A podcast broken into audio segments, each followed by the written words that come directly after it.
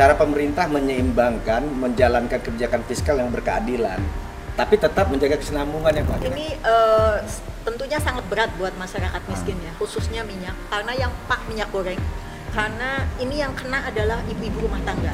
Kan ada di Undang-Undang Dasar 45 bumi, air dan kekayaan alam yang tergandung di dalamnya dikuasai oleh negara bagi sebesar-besar kemakmuran rakyat, bukan kemakmuran oligar kan, bukan kemakmuran oh, Sinarmas kan, bukan kemakmuran Luhut Panjaitan kan, bukan kemakmuran Erlangga Hertarto itu yang punya tambang semua itu.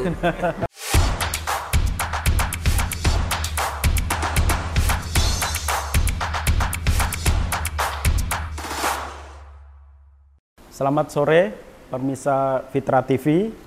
Ketemu kembali dengan kami di program Tadarus Anggaran yang membedah terkait dengan seluk-beluk anggaran dan fenomena-fenomena terkait dengan anggaran pemerintah, anggaran daerah, dan anggaran desa. Nah, pada episode kali ini kita akan membincang tentang topik habis pandemi terbitlah inflasi. Nah, kami sudah menghadirkan dua pembicara yang sudah hadir pada sore hari ini. Yang pertama adalah Pak Ahmad Irsan Muiz, analis anggaran ahli Madya Ditjen Anggaran Kementerian Keuangan Republik Indonesia. Selamat sore, sore Mas eh, Irsan. Yang kedua adalah Ibu Romlawati, Co-Direktur Peka untuk Penguatan Gerakan Ekonomi. Selamat sore, Mbak Romla.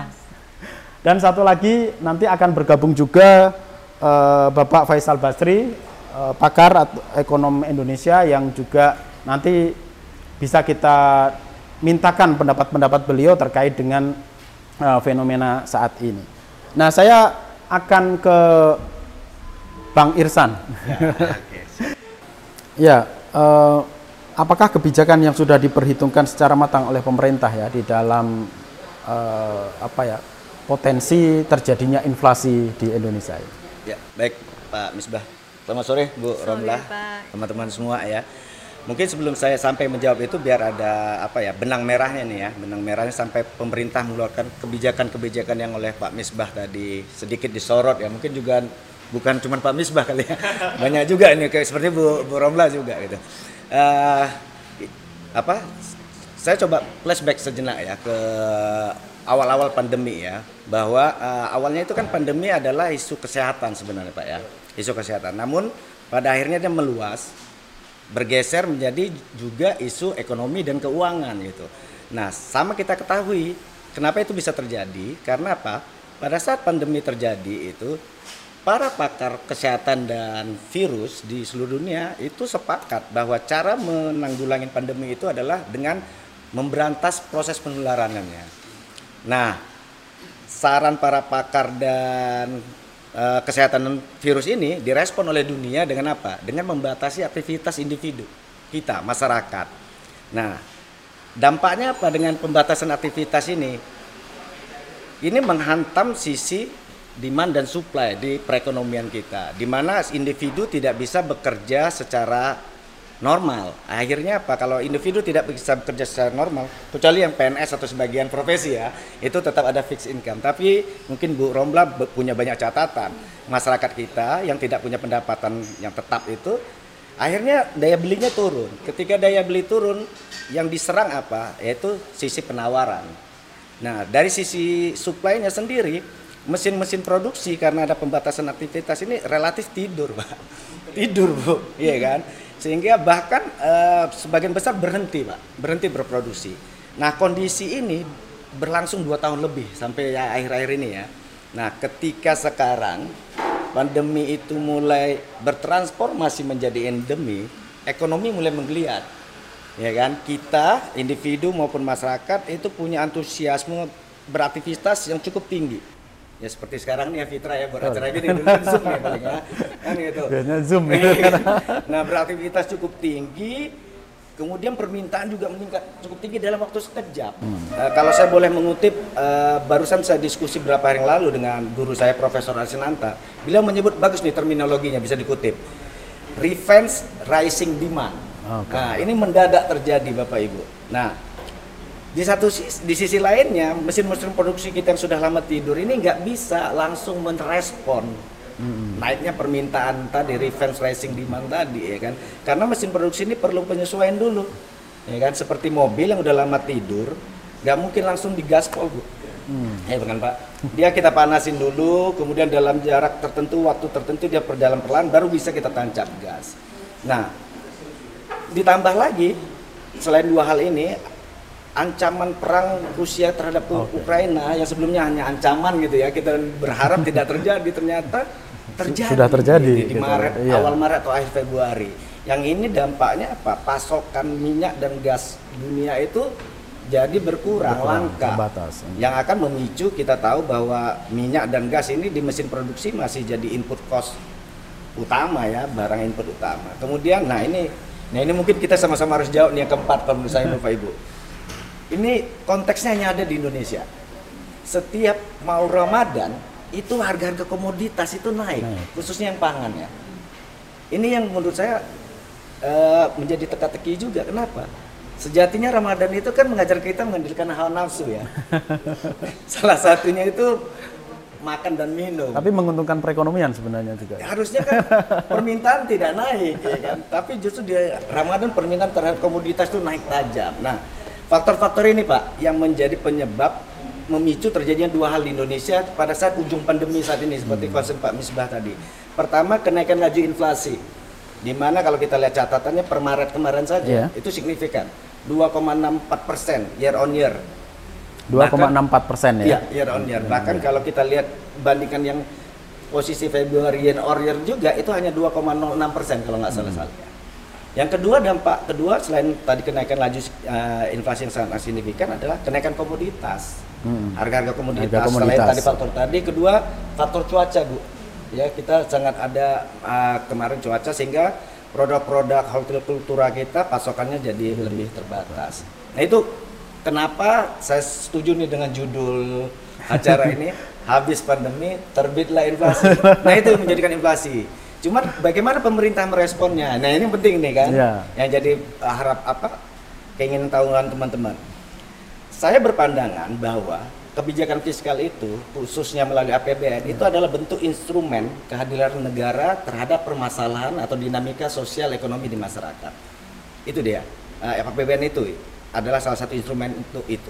Nah, bagaimana APBN diperankan ketika saat krisis ini yaitu sebagai shock absorber sober. Bagaimana APBN kebijakan fiskal kita itu bisa menyerap dampak-dampak negatif seoptimal sebanyak mungkin hmm. sehingga di rapat yang dirasakan ke masyarakat itu kalau bisa nggak ada kalau ada pun dia terbatas dan diprioritaskan tidak terjadi untuk masyarakat miskin dan kaum rentan itu yang dijadi bentuknya apa kita bisa uh, tahu beberapa hari terakhir ini ya pemerintah yeah. meluncurkan BLT pangan salah satu di antaranya okay. insentif selisih harga minyak goreng, kemudian mengendalikan harga kedelai, kemudian dengan anggaran-anggaran perlindungan sosial lainnya, Pak. Dan satu lagi mungkin ini yang penting banget nih, saya imbau juga nih teman-teman sesama teman, Pak. Para kementerian lembaga itu ke depannya ini arahan Bu Menteri juga, Menteri Keuangan itu supaya menggunakan melaksanakan anggarannya, membelanjakan anggaran yang diberikan kepada KL itu lebih berkualitas, tidak hanya fokus pada penyerapannya sehingga maksud setiap rupiah spending better yang kita maksud itu setiap rupiah yang dialokasikan negara itu bisa benar-benar uh, berdampak Berkualitas, kepada ya. tujuan ya. program tersebut dibiayai. Okay. Saya pikir terima kasih Mas Pak. Irsan.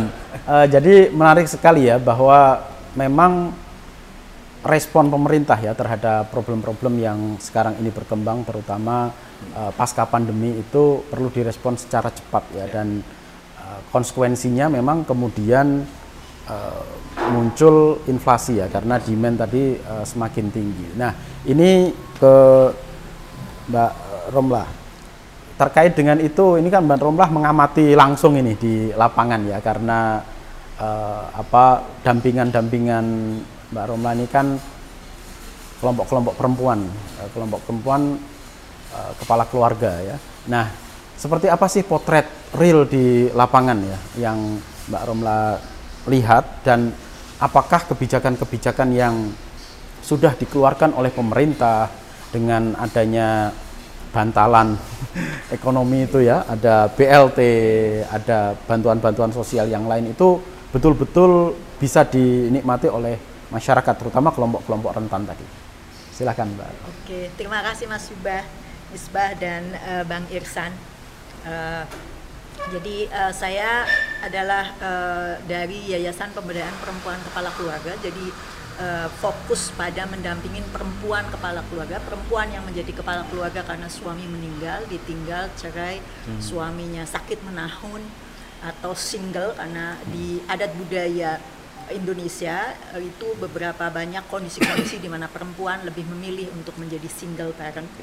Uh, jadi pada saat masa pandemi ini uh, jumlah perempuan kepala keluarga di Indonesia itu walaupun belum ada data BPS yang secara keluar di tahun yang resmi 2020 ya dari BPS. resmi. Tapi itu jumlahnya pasti meningkat gitu ya. Hmm. karena uh, sebelum pandemi ini saja perempuan yang menjadi kepala rumah tangga itu udah cukup tinggi. Apalagi dengan pandemi ini juga akan terus uh, uh, meningkat gitu ya dan berdasarkan informasi daripada ibu-ibu uh, perempuan kepala keluarga di beberapa tempat mereka sangat terpengaruh sekali dengan uh, pandemi ini misalnya karena sebagian besar peka uh, itu bekerja di sektor informal pak yeah.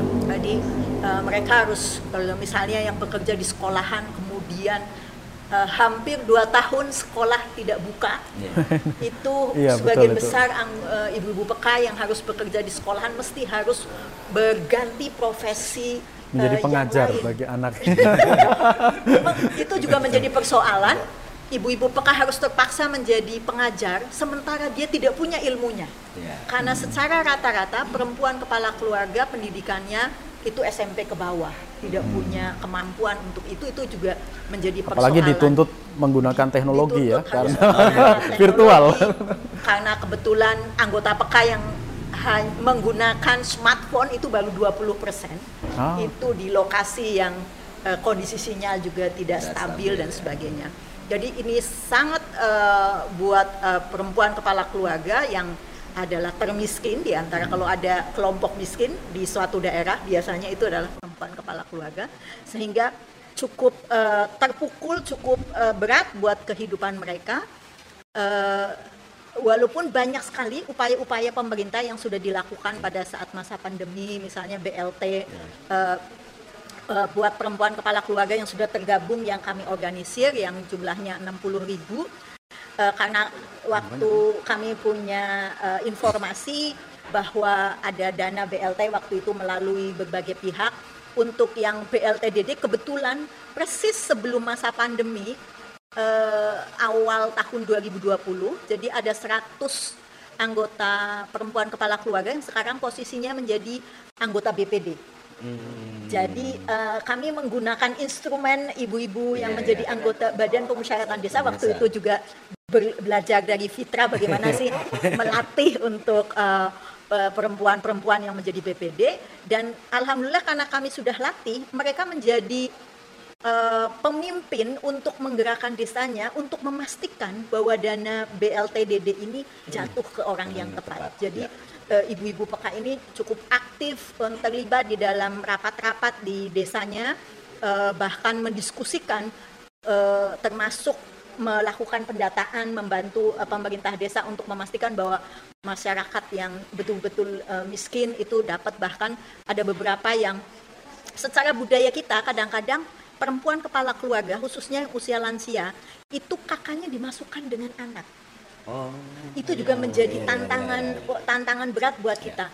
Padahal anaknya juga miskin, ibunya juga miskin. Nah, si ibu ini umumnya secara budaya di kita walaupun kakaknya masuk, dia tinggalnya berbeda.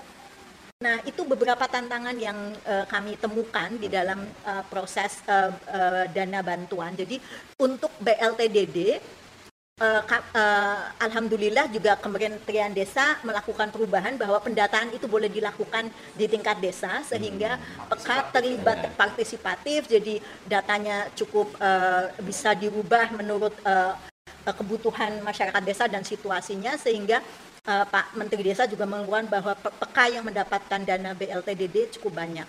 Tapi untuk dana BLT yang datanya itu sentralistik itu kita nggak bisa ngapa-ngapain gitu ya mau melakukan uh, walaupun PK juga sudah melalui berbagai instrumen uh, diskusi-diskusi forum pemangku kepentingan dengan dinas sosial dan sebagainya tapi karena itu datanya di tingkat nasional proses perubahannya juga agak sulit gitu. Yeah. Kemudian waktu Kementerian Koperasi mengeluarkan BLT juga yeah. untuk usaha produktif, kami juga memfasilitasi anggota PK yang uh, sudah berbadan hukum koperasi langsung mengajukan uh, dananya melalui Kementerian Koperasi, kemudian koperasi yang belum berbadan hukum kami fasilitasi untuk mendapatkan anggarannya melalui KPPA. BLT yang diberikan kepada masyarakat dengan nominal yang relatif sama, sementara potensi inflasi kenaikan barang-barang ini semakin besar. Nah ini apakah menurut Mas Irsan ini tepat ini me, mengeluarkan kebijakan kenaikan-kenaikan harga itu pada saat ini? Kenapa enggak ditunda okay. ya, ya, ya, tahun depan kayak gitu okay. misalnya silakan ya uh, terima kasih ya kami sepakat itu apa yang disampaikan Bu Romda tadi memang benar Pak tapi kan gini kalau terkait isu-isu saya belum belum bisa bahas namanya isu Pak ya. ya. Jangan dibahas. Nanti makin kita bahas dia makin panas gitu kan. Yang sudah keluar aja. Contoh BBM. Sebenarnya kan BBM itu yang naik adalah BBM yang non subsidi gitu, ya. bukan BBM bersubsidi.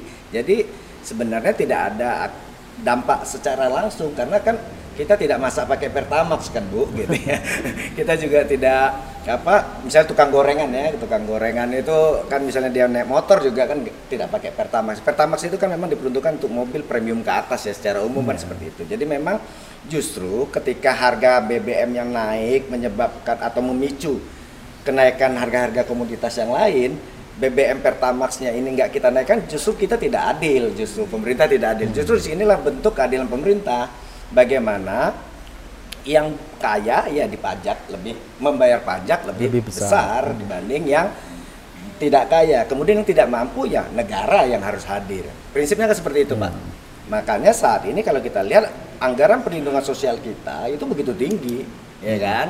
Itu kalau nggak salah sekitar 455 triliun tahun ini. Ya, tahun gitu ini. Ya. Itu dikucurkan untuk berbagai program dari sejak kita individu itu masih berupa embrio hmm. sampai kalau kita meninggal itu ada program sosialnya semua. Perlindungan sosialnya dari negara semua gitu. Artinya seperti itu. Uh, saat ini Uh, terkait yang PPN itu juga kan uh, kalau kita perhatikan, tapi terus terang saya nggak agak punya kapasitas juga untuk menjelaskannya pak, yeah. karena saya bagian sisi belanja, sisi bukan belanja pendapatan. Ya, bukan pendapatan. Tapi kalau kita cermati PPN yang dikenakan itu adalah PPN untuk justru yang barang-barang yang tidak berpi apa istilahnya barang-barang konsumtif Mewah. gitu loh. Tapi efeknya, efeknya juga uh, ke mana-mana memang yang terutama yang dirasakan oleh masyarakat ya, uh, apalagi berbagai komoditi itu mulai langka ya. Kemarin ya, sempat ada kelangkaan minyak goreng. Ya. Ini ini seperti apa, Mbak Romla yang dihadapi oleh eh, ibu-ibu uh, anggota PK gitu ya yang uh, sehari-hari lah, sehari-hari menggunakan minyak goreng kemudian tahu-tahu langka begitu ada membanjiri pasaran tapi dengan harga yang berbeda. Ini kira-kira apa ya? Semakin naik kan? Dan ganti, dua bukan, kali lebih. Bukan naik tapi ganti. Ganti harga. Karena naiknya terlalu ya, tinggi ya. Nah itu seperti apa uh, respon dari masyarakat? Iya, ini uh, tentunya sangat berat buat masyarakat miskin hmm. ya, khususnya minyak. Karena yang pak minyak goreng, karena ini yang kena adalah ibu-ibu rumah tangga jadi semua anggota PK ini menyampaikan uh, cukup berat ya. buat uh, buat mereka, khususnya untuk eh, wilayah-wilayah uh, yang yang ironis sekali itu kan wilayah Sumatera, wilayah Kalimantan, Kalimantan padahal itu Kalimantan adalah Timur. daerah sawit. Ya. Sumber sawitnya tuh di situ. situ. Bahkan beberapa anggota PK itu jadi menjadi pegawai buruh di, uh, di perkebunan, perkebunan sawit, sawit ya. tapi mereka menjadi kesulitan untuk mencari uh, minyak goreng. Minyak goreng bahkan harus mengantri uh, dengan menggunakan ada yang sampai menggunakan vaksin untuk memaksa vaksin di, di satu sebagai tempat persyaratan. itu sebagai persyaratan untuk bisa memperoleh minyak goreng, minyak goreng hanya satu liter dua liter gitu ya itu berat banget. Uh, ini sudah hadir Aduh, di tengah-tengah kita.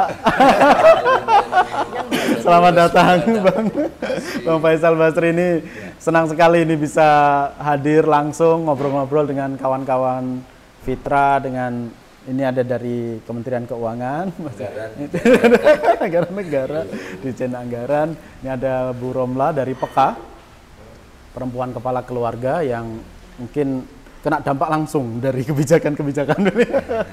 nah, uh, ke Bang Faisal ini, uh, ya sekarang ini kan apa, Bang, uh, apa ya persoalan pandemi relatif sudah mulai terselesaikan ya dengan tren uh, melandainya COVID di Indonesia ini. Tetapi belum sempat masyarakat ini untuk apa ya e, merayakan kegembiraan karena tadi dari physical distancing kemudian mereka bisa beraktivitas kembali sudah mulai ada apa ya eh, gerakan-gerakan ekonomi yang mulai tumbuh gitu ya tetapi kemudian ada berbagai kebijakan yang tadi kalau uh, alasannya Bang Irsan ini didesak oleh kondisi internasional karena ada perang Rusia Ukraina atau kondisi di level Indonesia yang memang karena demandnya tinggi kemudian mau tidak mau ya potensi inflasi itu kemudian naik. Nah, bagaimana ini pandangan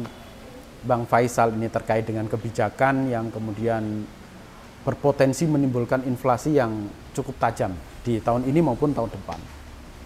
Ya, saya rasa uh, Mas Ihsan sudah sampaikan ya bahwa yeah.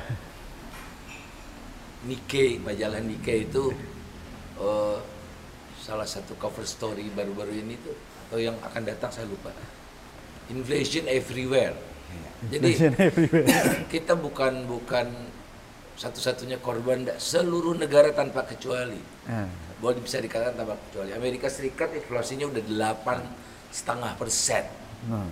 tertinggi berapa tahun tuh iya. pokoknya uh, luar biasa karena juga bukan hanya perang ya tapi juga ada potensi-potensi lainnya yakni climate change itu oh, yang membuat uh, pasokan pangan ya. juga uh, tersendat, tersendat ya di ya. berbagai ya. negara tapi terutama sih perang ya perang. Uh, yang menyebabkan uh, supply shock uh, Ukraina adalah penghasil 75% uh, minyak, minyak goreng dari bunga matahari hmm. uh, Rusia dan Ukraina uh, eksportir 26% gandum dunia. Gandum. Oh. oh, nomor satu mengekspor untuk bahan utama pupuk, uh, fosfat, uh, pupuk pupuk apa namanya nitrogen, ya. nitrogen ya. itu ya. Uh, jadi uh, kemudian uh, ada embargo, ya, embargo. Nah Indonesia ingin manfaatkan tuh lewat jalan belakang apa harga minyak ya. yang murah gitu kan ini gak benar ya jadi janganlah memanfaatkan di tengah kesempitan semua harus normal saya rasa untuk urusan ini serahkan ke Deplu Kementerian Luar Negeri jangan uh, manuver di Rut Pertamina segala macam ya nah jadi yang berbeda adalah respons setiap negara nah di Indonesia selama ini kan inflasinya sangat rendah. Selama era Pak Jokowi itu sangat rendah. Sangat rendah. Ya? Terendah sepanjang sejarah. Hmm. Di bawah tiga persen konsisten. Kalau dulu tuh naik turun naik turun. Naik, turun. Nah yang membuat naik dia itu kencang-kencang itu adalah kenaikan ya. harga BBM yang mendadak. Selalu begitu. Selalu begitu. Yang mendadak. Oleh karena itu saya dulu pernah bantu pemerintah kan. Uh, Satgas Tata Kelola Migas itu yang sat, sat, Satgas Mafia Migas kami rekomendasikan uh, supaya penyesuaian harga minyak itu dilakukan secara periodik tiga bulan tiap tiga bulan ditinjau kemudian setiap bulan diubah oleh mereka tiap bulan uh, tapi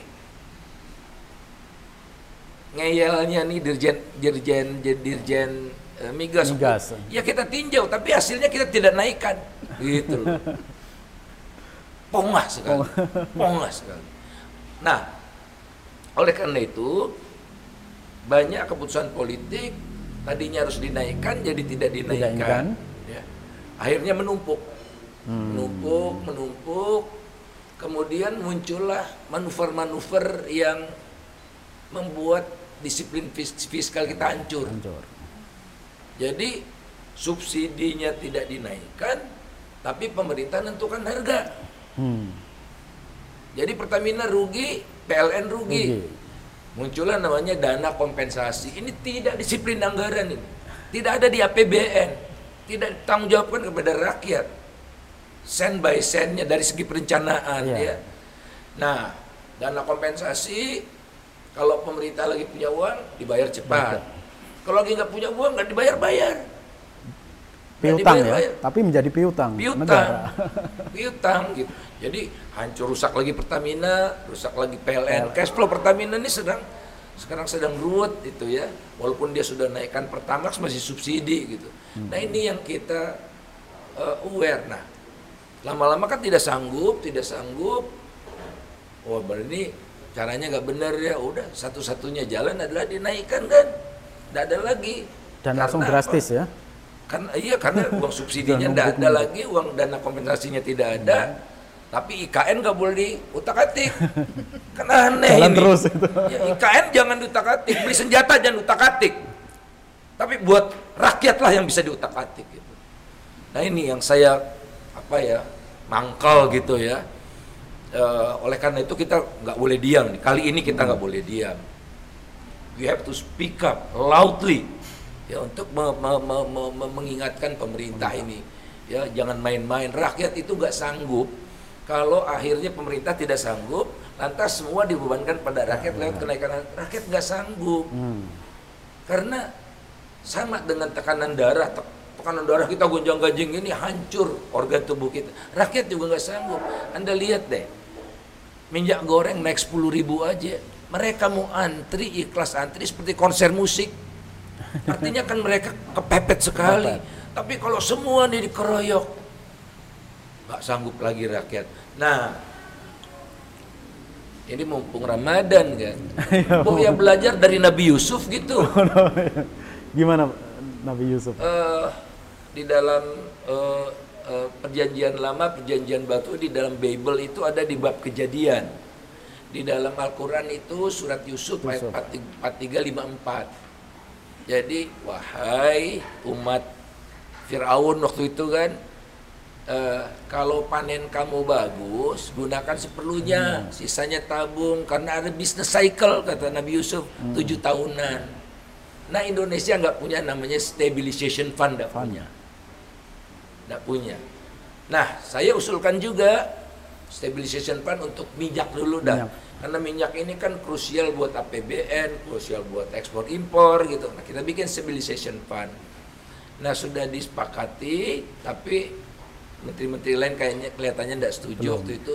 Jadi dari eh, dimasukkan ke harga BBM. Hmm. Nah stabilization fund ini harus dipegang oleh lembaga khusus, nggak boleh ke Pemerintah langsung. nggak boleh ke badan usaha. Badan usaha. Emang badan usaha negara, badan usaha kan eh, bukan negara kan. Iya. Jangan terjadi privatisasi peran negara. Nah, selama ini implisit PLN yang melakukan itu. Maksud saya gini, waktu harga turun, harga minyak turun, kan eh PLN lagi Pertamina. Eh, Bang. Pertamina. Waktu harga minyak turun bahkan sampai minus kan pernah. Minus 40 Pak. Minus 40 Pernah ya. minus, iya kan? Jadi kita beli minyak dikasih uang. Nah, waktu itu Pertamina kan harusnya nurunkan harga, Harga. tapi dia tidak turunkan, dibiarkan oleh pemerintah.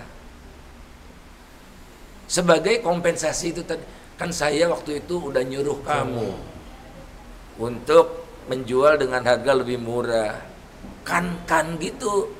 Nah jadi nggak jelas hitung-hitungannya. Nah waktu Pertamina waktu harga minyak tinggi, ya Pertamina, Pertamina. kelabakan kita tanya uang yang dulu mana. Nah inilah tidak ada pertanggungjawaban fiskalnya. Ini kan fitrah ya, sangat peka. Apa, apa, tuntutlah kepada kalian itu. Ya ini proses politiknya nggak benar. Saya udah bicara dengan Dewan Akuntabilitas DPR tuh kalau nggak salah kan ada tuh akuntabilitas DPR udah bicara dengan komisi kemarin dengan Mas Sugeng ya Mas kita dengerin 11 Mas ya. ya Mas gitu-gitu terus tapi ini menunjuk ini bahaya ya kehancuran ekonomi Indonesia tuh diawali dari ketidakdisiplinan anggaran. Anggaran.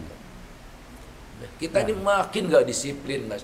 Nah, oleh karena itulah kita ke depannya, ayo kita konsisten. PLN itu udah lima tahun nggak naik tarifnya dan nggak naik untuk semua golongan. Gimana?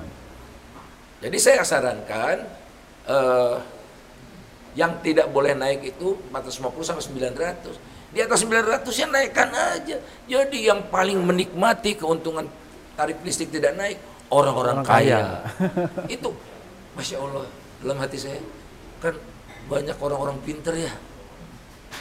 Kok hati orang-orang pinter itu kemudian hari kian hitam itu yang di dalam pemerintahan itu. Hmm. Kok nggak ada empatinya. Nah terus katanya nggak ada uang. Bangun di ibu kota bisa. Nah kemudian saya bilang naikkan PPN lagi kan 11 persen. Kemarin saya ketemu sama Mas Justinus Prastowo. Uh, kan cuma dapat 43 triliun itu dari kenaikan dari kenaikan satu satu persen. persen ini. kenaikan dari 10 sampai 11 100 basis poin ah. dari 10 persen ke 11 persen. kalau ya, persen di persen kan naiknya 10 persen ya kan iya. 10 persen dari yang persen itu nah itu besar bagi rakyat itu 10 persen itu besar dan buat pemerintah 43 triliun. Saya kasih alternatif pemerintah merem ini dapat 125 triliun tanpa harus naikkan PPN itu. Tidak mau pemerintahnya. Apa itu? Apa itu, Pak? Namanya pajak ekspor windfall. Hmm. Kan ada di Undang-Undang Dasar 45 bumi, air dan kekayaan alam yang tergandung di dalamnya dikuasai oleh negara, negara. bagi sebesar-besar kemakmuran rakyat, bukan kemakmuran oligar kan? Bukan kemakmuran oh, Sinarmas kan, bukan kemakmuran Luhut Panjaitan kan, bukan kemakmuran Erlangga Hertarto kan, itu yang punya tambang semua itu. Nah jadi kemakmuran rakyat jadi windfallnya udah 280 dolar loh mau batu bara ini sampai di World Bank itu titik-titik tuh nggak ada datanya datanya udah ngawur gitu kan nah 100 puluh lima persen aja. Saya cuma dua lima persen dari pajaknya pajak batu bara itu karena dapat 125 triliun. Jadi nggak naikkan PPN karena apa? Pemulihan di kita itu lambat sekali, tergolong lambat dan pemulihan itu bergantung pada konsumsi masyarakat. 54 persen itu konsumsi, konsumsi masyarakat. masyarakat. Sebenarnya ada potensi-potensi lain uh, untuk apa ya memperkuat pendapatan negara misalnya melalui tadi itu uh, berbagai instrumen mungkin terkait dengan pendataan uh, pengelola-pengelola tambang dan ya. seterusnya yang selama ini dari berbagai riset yang dilakukan itu sebenarnya potensinya masih sangat kecil ya apa masih masih besar potensinya masih besar tetapi yang diambil. yang diambil masih sangat kecil nah ini seperti apa Mas Irsan uh, melihat peluang-peluang itu selain menaikkan PPN dibandingkan iya. melalui PPN ataupun menaikkan harga-harga uh, barang yang lain. Ya. Uh, saya sepakat ya dengan Bang Faisal ya uh, bahwa memang uh, ketika ruang fiskal kita itu terbatas, uh, cara kita untuk memperlebarnya kan memang ada beberapa cara. Pertama hmm. memang dari sisi belanjanya, atau tadi dari sisi pendapatan ya atau kombinasi dari dua ini bauran hmm. kebijakannya ini kan. Nah tentu saja saya pikir Bang Faisal juga lebih paham dibanding saya nih jam terbang lebih tinggi bahwa ketika kebijakan itu mau diambil ini kan proses-proses teknokratis dan politisnya ini kan tidak juga segampang ketika kita berdiskusi berempat doang nih. Mungkin kalau kita berempat doang diskusikan ini selesai nih kan gitu ya. Tapi kan seperti itu. Tapi gini, saya mau sampaikan memang uh, bahwa bukan berarti kita tidak bekerja. Mungkin uh, tadi Eh, masukan-masukan dari para intelektual seperti Bang Faisal itu uh, kita tampung. Contoh gini, uh, sekarang teman-teman di DJA di Direktorat PNBP Bang Faisal ya, itu mulai itu Bang. Tadi wajib wajib bayar kan istilahnya kalau nah. itu ya, wajib bayar minerba itu. Bener. Itu mulai kita pelototi. Memang selama ini kan ya terabaikan ya mungkin ya. Nah, sekarang mulai itu kita mulai beberapa simponi ya kan. Di mana saat selama ini kan misalnya ada wajib bayar kita di fiskal ini kan hanya bisa melihat PNBP-nya, tapi izin pengguna dia sebagai pengelola minerbanya itu ada di Kementerian Teknis. Nah, sekarang ini mulai diintegrasikan sehingga masing-masing bisa kasih lampu kuning seandainya ada kewajiban ada kewajiban yang belum dibayarkan. Gitu. Nah, ini yang sedang kita lakukan. Memang jujur memang Bang nggak nggak mudah.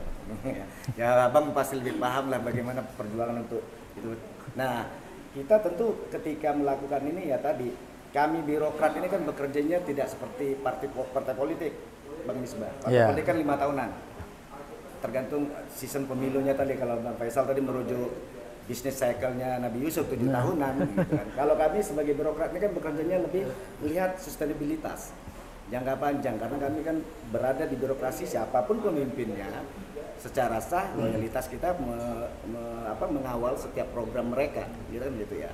Nah, itu yang kita lakukan sehingga memang mungkin kayak kata Bang Faisal sepakat ya, sepertinya kayak lambat gitu ya. Begitulah mungkin Bang nature-nya Bang ya nature-nya mungkin seperti itu kita birokrat ya karena kita, kita memang tidak bisa main gaspol gitu kita memperhitungkan artinya apa tingkat kehati-hatian kita sangat tinggi gitu ya karena tadi Indonesia sendiri kan masih sangat fragile ya hmm. ekonomi satu kedua memang seperti tadi yang oil fund atau sejenisnya hmm. Itu sekarang kita memang mulai mulai melakukan mulai di kayak apa dirancang bencana ya, ya bencana. Hmm. itu kita udah mulai buat asuransi apa bencana full fundnya pulling fundnya kita buat.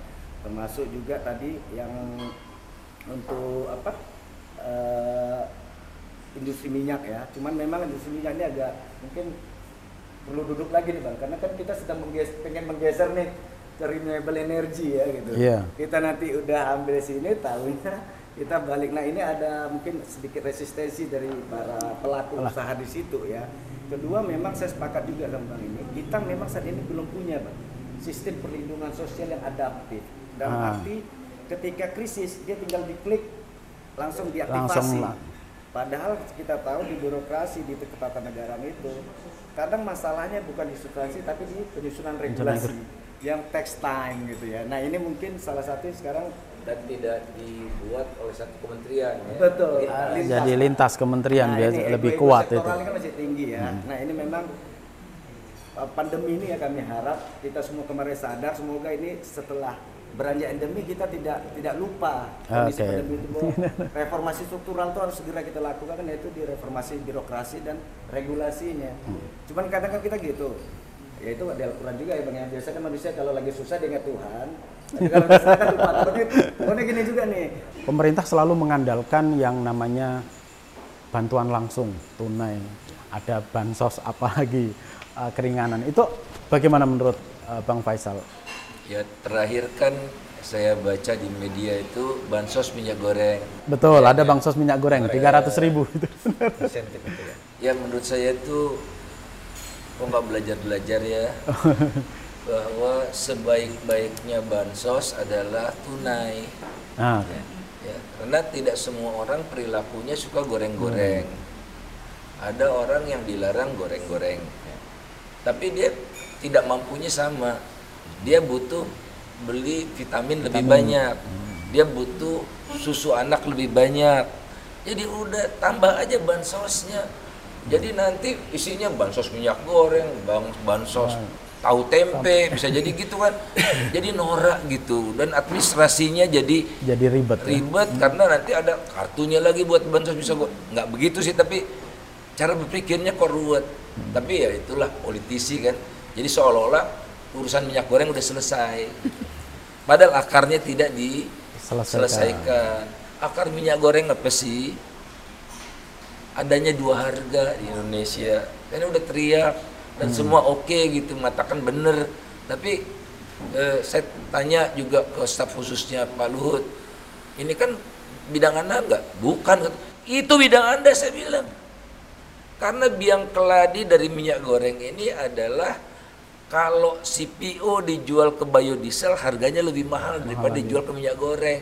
Itu akar masalahnya. Dan itu disubsidi nah, besar-besaran ya. gitu. Kita selesaikan secara mendasar.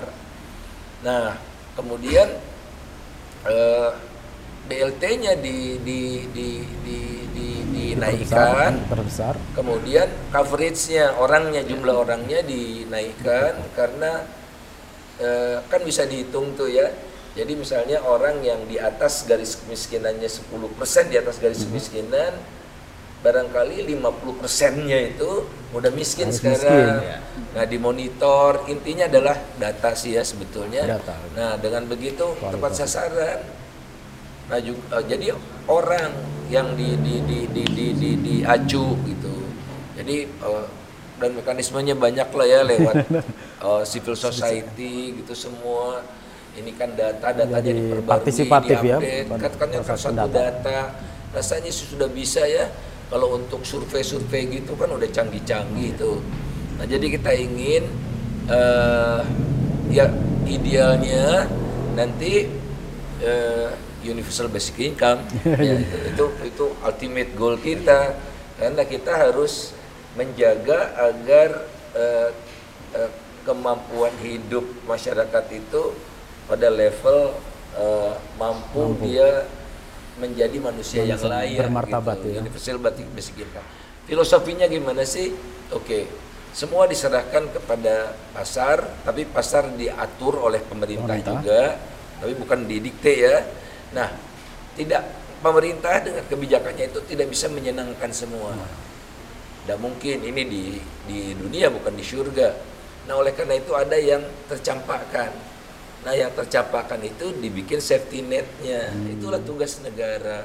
Sama sebetulnya menghadapi perang Ukraina ini kok yang kita dengar nestapa semua. ini naik, harga ini naik, rakyat susah segala macam. Sebetulnya seimbang kok.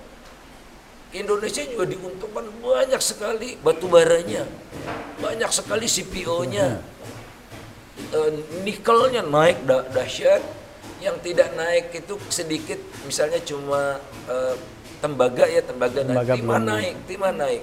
Nah jadi ini kan sebagai satu satu negara. Kadang-kadang dia naik ini turun. Nanti besoknya dia naik, naik. ini turun. Nah negara ini kok lepas tangan tidak mau membuat mekanisme redistribusi. Peran negara redistribusi loh. Jadi mengambil dari yang sangat diuntungkan di trans, eh, di transfer dialihkan atau diarahkan uh, uh, kepada yang merugi gitu terus itu tugas negara lewat instrumen-instrumen yang ada. Tapi saya memahami memang uh, ya anda kan tahu ya Menteri Keuangan sekarang uh, uh, bisa di overrule gitu sama perdana menteri. Ya, kan bisa. Ya kan? Jadi uh, udah susah sekarang ini memang. Nah uang itu mereka butuhkan untuk mempertahankan kekuasaannya di 2024. Makanya yang maju kalau bukan bandarnya didanai oleh bandar batubara ini. Bandarnya juga mau maju kan. Erick Thohir tuh bandar batubara kakaknya. Ya kan maju. Siapa lagi bandar batubara? Oh, oh antara lain ya.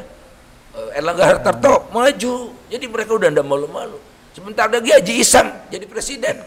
Kalau kita diam, oleh karena itu kita tidak boleh diam. Iya.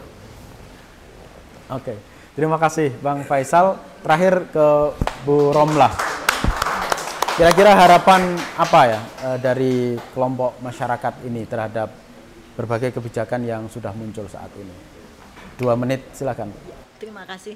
Uh, saya setuju dengan apa yang disampaikan oleh para narasumber. Jadi kebijakan-kebijakan yang selama ini itu fokusnya belum berpihak kepada masyarakat miskin, khususnya uh, masyarakat marginal yang uh, cukup sulit dalam situasi dan kondisi yang uh, cukup berat. Uh, dan berbagai macam persoalan-persoalan tadi yang disampaikan oleh Bang Faisal itu sepertinya yang diubah-ubah adalah orang miskin itu harus memahami gitu loh bukan sebaliknya bahwa kebijakan dan pemerintah juga harus memahami kondisi-kondisi dan situasi.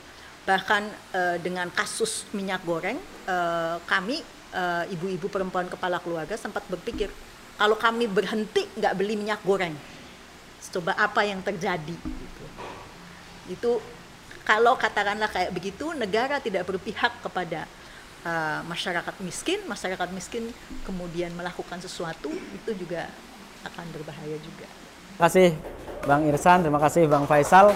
Uh, pemirsa Fitra TV tadi tadarus anggaran sudah kita lakukan dengan berbagai perspektif ya. Nanti kita akan terus kaji bagaimana disiplin fiskal itu betul-betul berpihak kepada masyarakat miskin, kelompok rentan dan seterusnya. Terima kasih. Assalamualaikum warahmatullahi wabarakatuh. Selamat sore.